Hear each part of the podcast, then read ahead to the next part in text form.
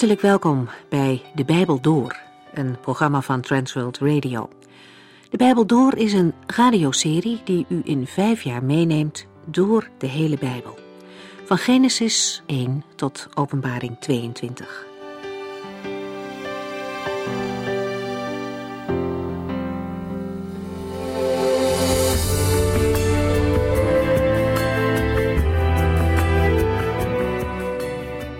We hebben inmiddels de boeken Ezra en Nehemia afgesloten. Vandaag gaan we weer verder in de brieven van Paulus en we beginnen aan de tweede brief die deze apostel naar de gemeente in Korinthe schreef. Uit zijn eerste brief bleek dat er nogal wat wantoestanden waren in deze gemeente. Paulus spreekt hen daarop ook aan en geeft hen de opdracht om het verkeerde weg te doen. Ook in de gemeente moet men breken met alle zonden om heilig en toegewijd aan God te kunnen leven. En in die zin passen de Bijbelboeken Ezra en Nehemia mooi tussen deze brieven. Daar lazen we over geestelijke opleving en hernieuwde toewijding aan de Here. En dat ging ook samen met het beleiden en wegdoen van de zonde. Deze principes voor een leven dicht bij God gelden voor alle tijden. Zonde die toegedekt wordt onder het mom van genade blijft een hindernis totdat ze wordt opgeruimd. Maar dan, na het ruimen van puin, kan er weer gebouwd worden. Heel letterlijk in dit geval aan de muur van Jeruzalem, zoals in Nehemia, of bouwen in geestelijk opzicht aan de gemeente. In deze tweede brief zullen we zien dat er in Korinthe inderdaad dingen ten goede veranderd zijn. Vandaag hoort u alvast wat inleidende gedachten over deze brief. In vogelvlucht komen de hoofdonderwerpen waar Paulus over schrijft voorbij. De volgende keer zoomen we dan meer in op die onderwerpen. Wanneer u eerdere uitzendingen over bijvoorbeeld 1 Korinthe nog eens zou willen beluisteren, dan kan dat. Tegen een geringe vergoeding kunt u bij Transworld Radio een USB-stick bestellen met daarop verschillende Bijbelboeken die in deze serie aan de orde geweest zijn. Maar ook als u vragen heeft of gewoon een keer wilt reageren, dan horen we dat graag. Ons internetadres is www.transworldradio.nl. En laten we dan nu een begin maken met 2 Korintiërs.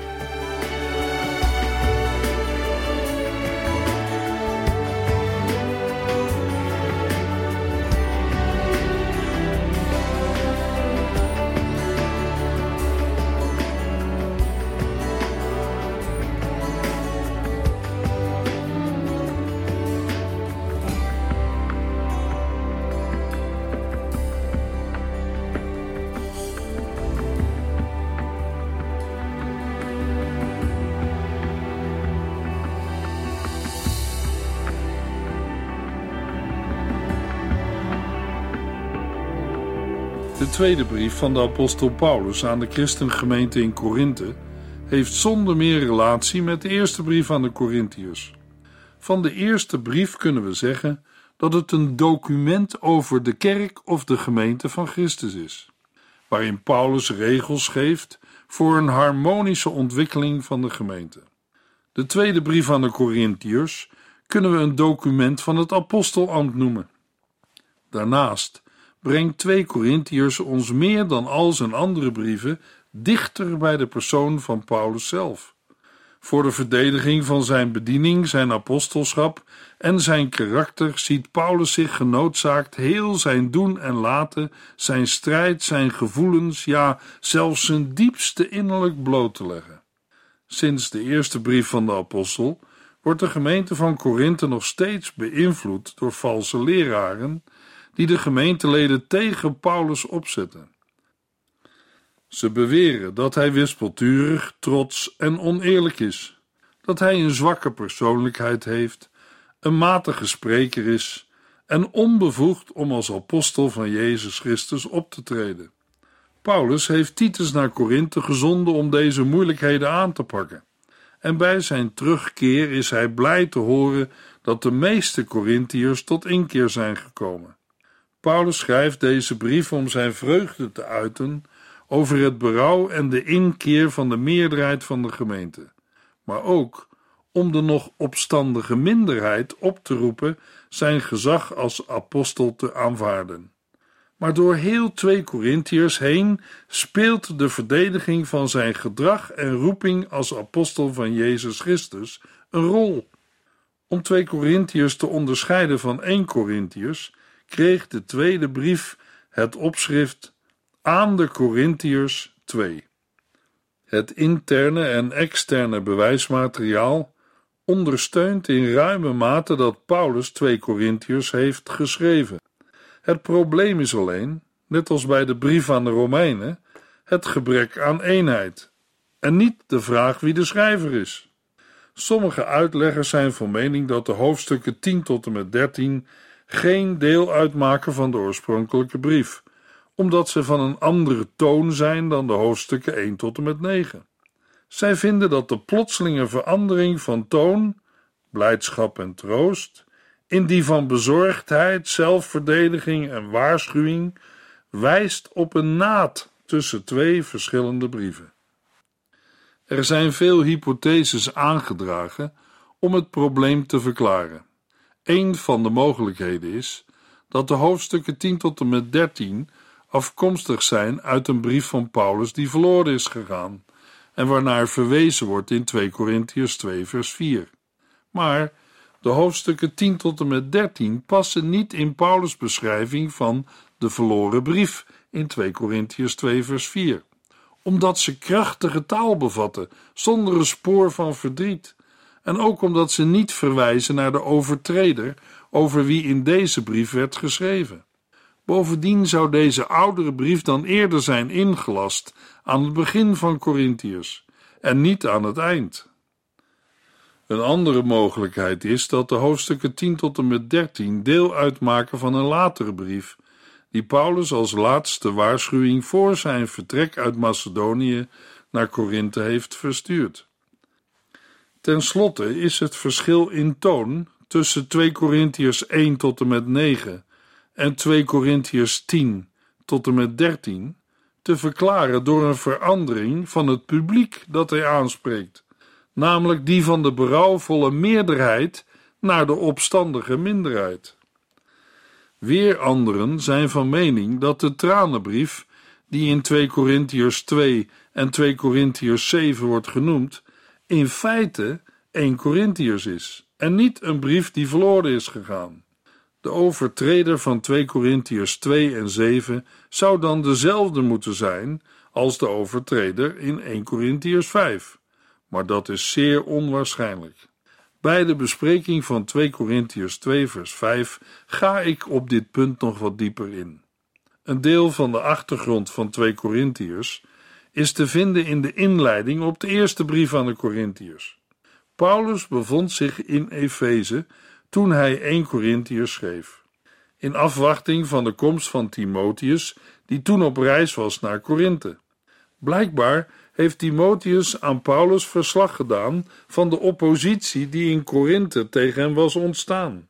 Als reactie daarop bracht Paulus een kort en pijnlijk bezoek aan de Korintiërs. Dit bezoek wordt niet vermeld in handelingen, maar het kan worden afgeleid uit 2 Korintiërs 2, 12 en 13.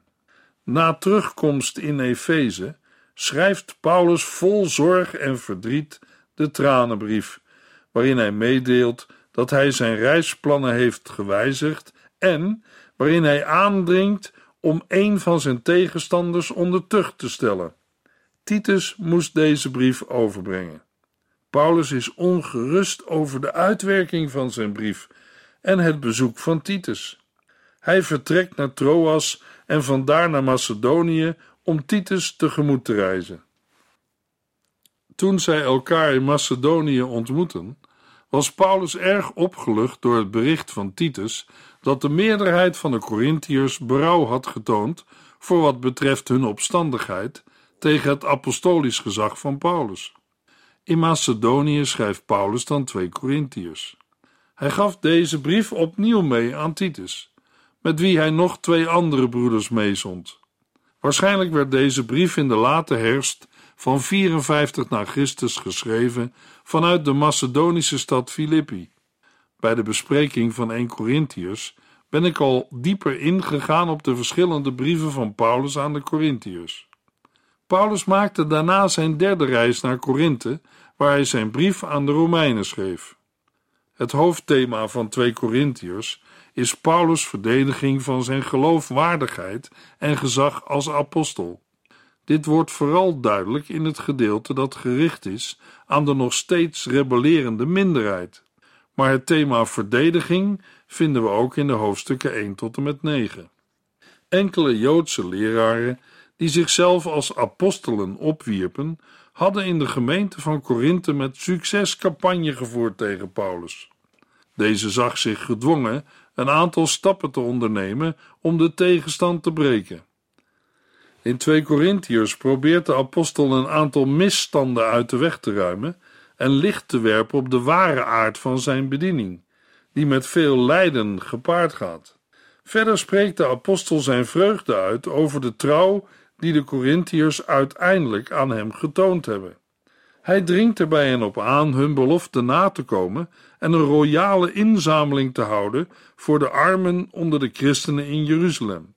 Deze inzameling zou niet alleen de armen ondersteunen, maar ook een bewijs vormen van de betrokkenheid van de niet-Joodse christenen in Macedonië en Achaïe, met de Joodse christenen in Jeruzalem en Judea. Een blijk van de eenheid tussen Joden en niet-Joden in het lichaam van Christus.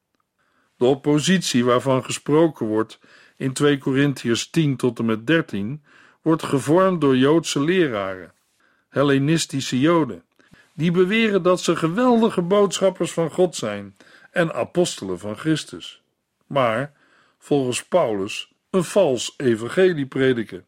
Zij maken mensen tot slaven en laten zich betalen voor hun onderwijs. De hoofdstukken 10 tot en met 13 hebben de bedoeling deze valse apostelen te ontmaskeren en de autoriteit en bediening van Paulus te bevestigen als apostel van Jezus Christus. Kernachtige sleutelversen vinden we in 2 Korintiërs 4 vers 5 en 6. Wij maken niet onszelf bekend, maar de Heer Jezus Christus. Van onszelf zeggen wij alleen dat wij u willen dienen ter wille van Jezus. Want God die gezegd heeft: laat er licht in de duisternis zijn, heeft in de duisternis van onze harten geschenen en ons doen inzien dat zijn heerlijke glans van Jezus Christus afstraalt. En ook in 2 Korintiërs 5, vers 17 tot en met 19. Als u christen wordt, wordt u van binnen helemaal nieuw. U bent als het ware opnieuw door God geschapen. Er is een heel nieuw leven begonnen. Al dit nieuwe komt van God die ons door Jezus Christus bij zichzelf heeft teruggebracht. Hij heeft ons opgedragen overal te vertellen dat iedereen het nu met God in orde kan maken. Door Christus herstelde God zijn relatie met de wereld. Hij rekende de mensen hun zonde niet meer toe, maar wiste ze uit. En wij mogen dit geweldige nieuws aan iedereen vertellen. 2 Korintiërs 8 en 9 vormen een eenheid en bevatten de meest volledige uitleg over geven en schenken die in de Bijbel is te vinden.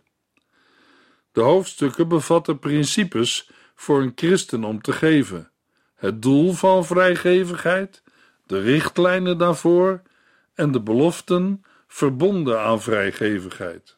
De tweede brief aan de Corinthiërs geeft een profielschets van een apostel. De gemeente van Korinthe is beïnvloed door valse leraren die de gemeenteleden tegen Paulus hebben opgezet, vooral als reactie op de vermaningen en waarschuwingen van Paulus in 1 Corinthiërs. Door de hele brief heen verdedigt Paulus zijn optreden, karakter en roeping als apostel. De drie belangrijkste gedeelten zijn 2 Corinthiërs 1 tot en met 7, waarin Paulus zijn bediening als apostel beschrijft. In 2 Corinthiërs 8 en 9 geeft de apostel uitleg over de christelijke vrijgevigheid. En in 2 Corinthiërs 10 tot en met 13 verdedigt hij zijn apostelschap. Na zijn groet en dankzegging voor Gods vertroosting in vervolgingen en levensgevaarlijke omstandigheden, legt Paulus in 2 Corinthiërs 1, vers 12 tot en met 2, vers 4 uit waarom hij zijn geplande bezoek aan Korinthe heeft uitgesteld. Het is geen kwestie van besluiteloosheid of niet weten wat hij wil. De apostel wilde hun genoeg tijd geven om orde op zaken te stellen voordat hij komt. In 2 Korintiërs 2 vers 5 tot en met 13 vraagt Paulus hen om de berouwvolle overtreder, die ze onder tucht hadden gesteld, weer in hun midden op te nemen. Dat wil zeggen, te vergeven. Daarna volgt in 2 Korintiërs 2 vers 14 tot en met 6 vers 10 een uitgebreide verdediging van Paulus' bediening, waarbij hij ingaat op zijn boodschap, de omstandigheden waaronder hij moet werken, zijn motieven en zijn handelwijze. Daarna vermaant hij de gelovigen zich los te maken van wereldse verbintenissen en afgoderij. In 2 Korintiërs 7 vers 2 tot en met 16 schrijft de apostel over het nieuws dat Titus heeft gebracht. De inkeer van de Korintiërs heeft hem bemoedigd. In 2 Korintiërs 8 en 9 vinden we de meest uitgebreide bespreking in het Nieuwe Testament van de principes en de praktijk van het geven. Aan de hand van het voorbeeld van de royale gift van de Macedoniërs voor de noodlijdende broeders en zusters in Jeruzalem, roept Paulus de Corinthiërs op hun gedane toezeggingen in te lossen door hetzelfde te doen. In dit verband beveelt Paulus de vertegenwoordigers aan die hij naar Korinthe heeft gestuurd, om toe te zien op het inzamelen van de grote gift die ze hadden toegezegd. Hun vrijgevigheid zal de Heere ruim belonen.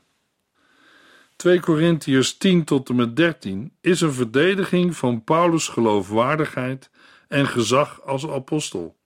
Zijn geloofwaardigheid en gezag zijn aangetast door de nog steeds opstandige minderheid in de gemeente van Korinthe. De zwakke indruk die de apostel volgens hen heeft achtergelaten, vermindert op geen enkele wijze zijn gezag als apostel. Paulus verdedigt juist zijn apostolische bediening met een beroep op zijn persoonlijke zwakheid, zichtbaar in moeite en in het lijden dat hij omwille van het evangelie heeft doorstaan, en de kracht van Christus, die juist in deze situatie tot uitdrukking kwam.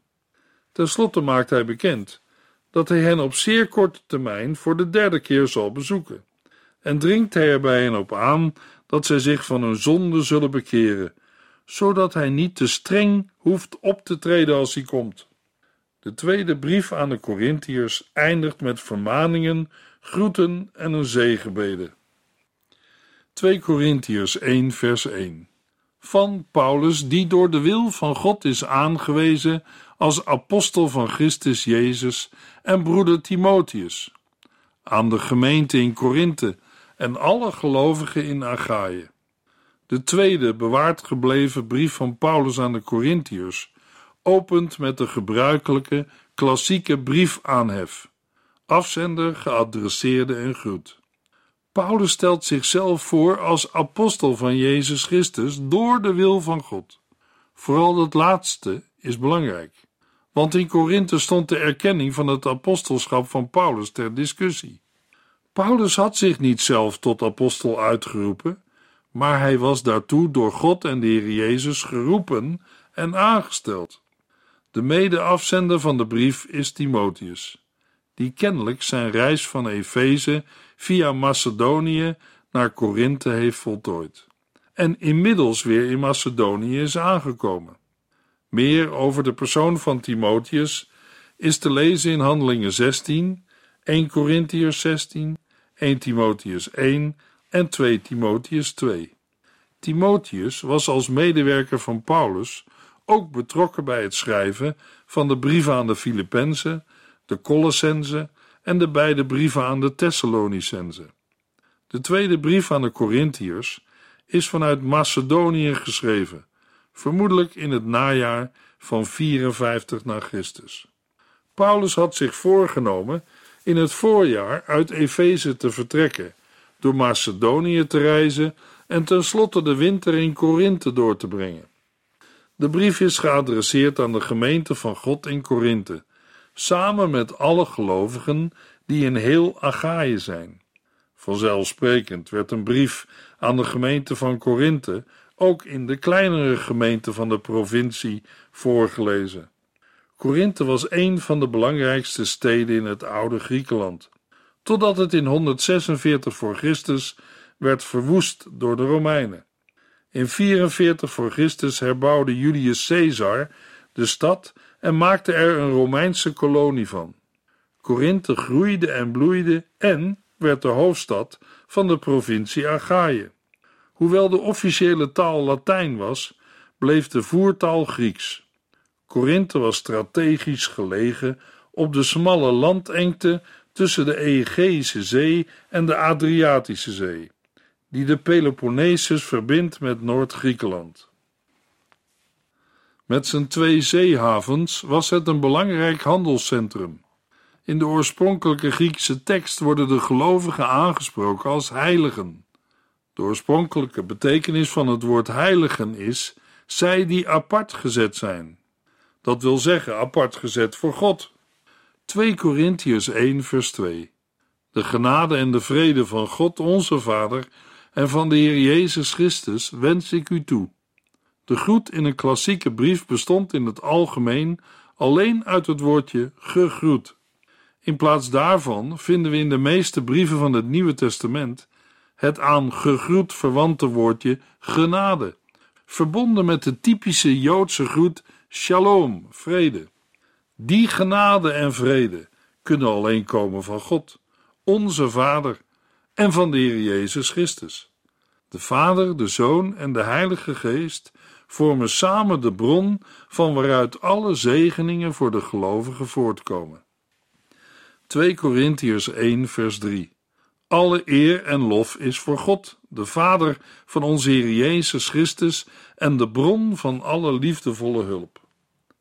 Alle brieven van Paulus, uitgezonderd gelaten, beginnen met een dankzegging of, zoals in dit geval, een lofprijzing aan God.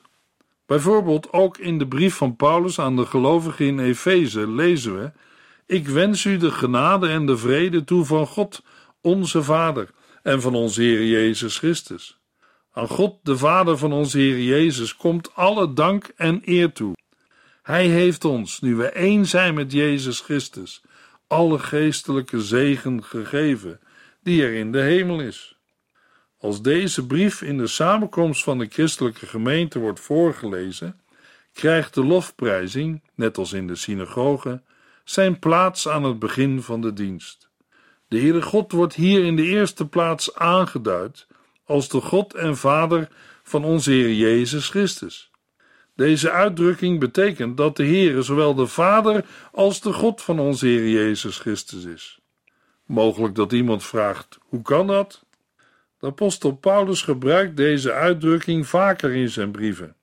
Bijvoorbeeld in Efeziërs 1, vers 16 en 17, waar hij schrijft: Ik dank God zonder ophouden voor u, en in mijn gebed vraag ik de God van onze Heer Jezus Christus, de Vader die alle eer verdient, u wijsheid te geven, opdat u helder en duidelijk zult zien wie Christus is, en hem door en door zult kennen in 1 Corinthians 15, vers 27 en 28 hebben we gelezen: Want God heeft alles aan Christus onderworpen.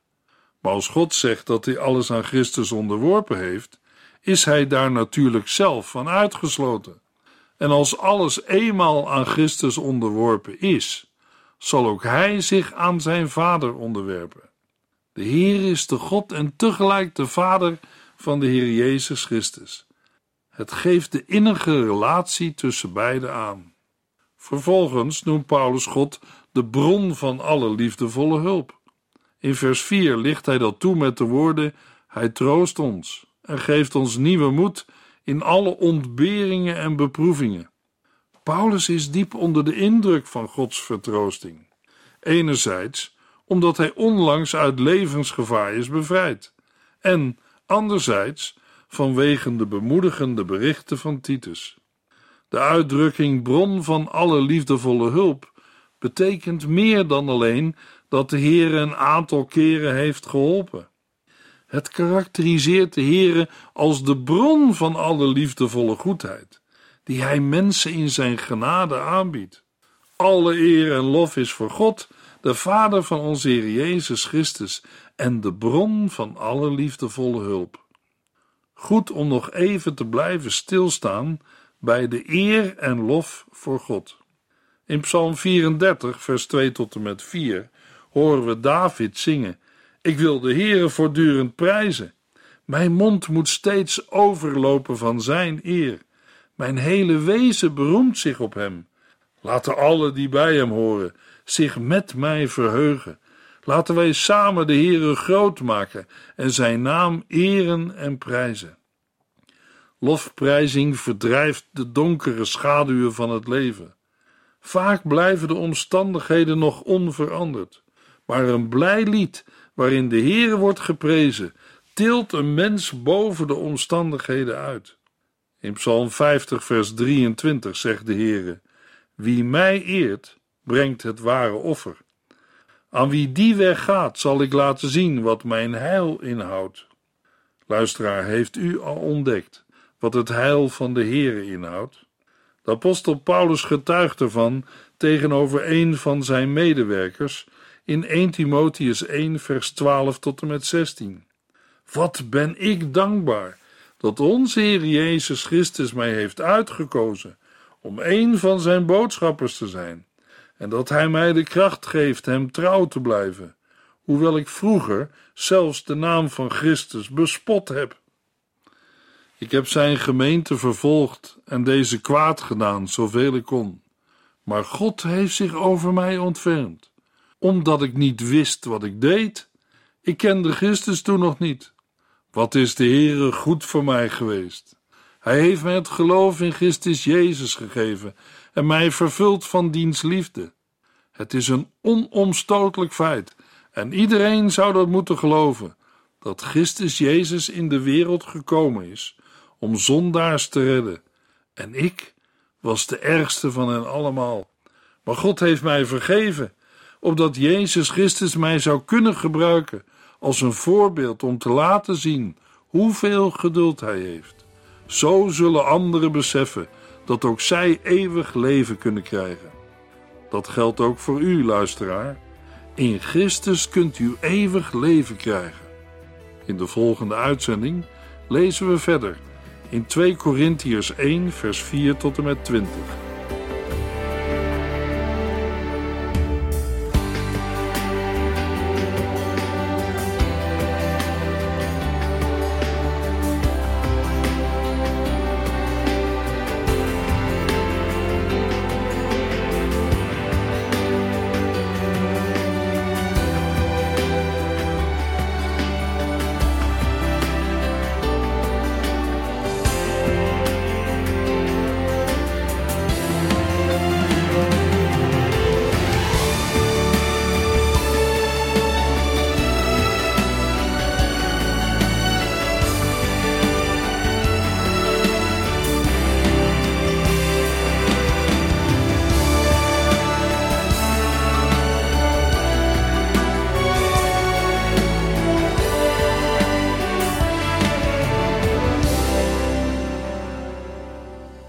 Geluisterd naar De Bijbel Door. In het Nederlands vertaald en bewerkt door Transworld Radio. Een programma waarin we in vijf jaar tijd de hele Bijbel doorgaan. Als u wilt reageren op deze uitzending of u heeft vragen, dan kunt u contact met ons opnemen. Tijdens kantooruren kunt u bellen op 0342 47 8432. 0342 47 8432. 32. Ook kunt u een e-mail sturen naar de Bijbel door transworldradio.nl en natuurlijk kunt u ook via de post ons bereiken. TWR, postbus 371, postcode 3770, AJ in Barneveld. Dit programma werd gepresenteerd door Cor Weda en Ike André. Techniek was in handen van Odin van Woerdekom. En wij allemaal bedanken u voor het luisteren. Graag tot de volgende keer.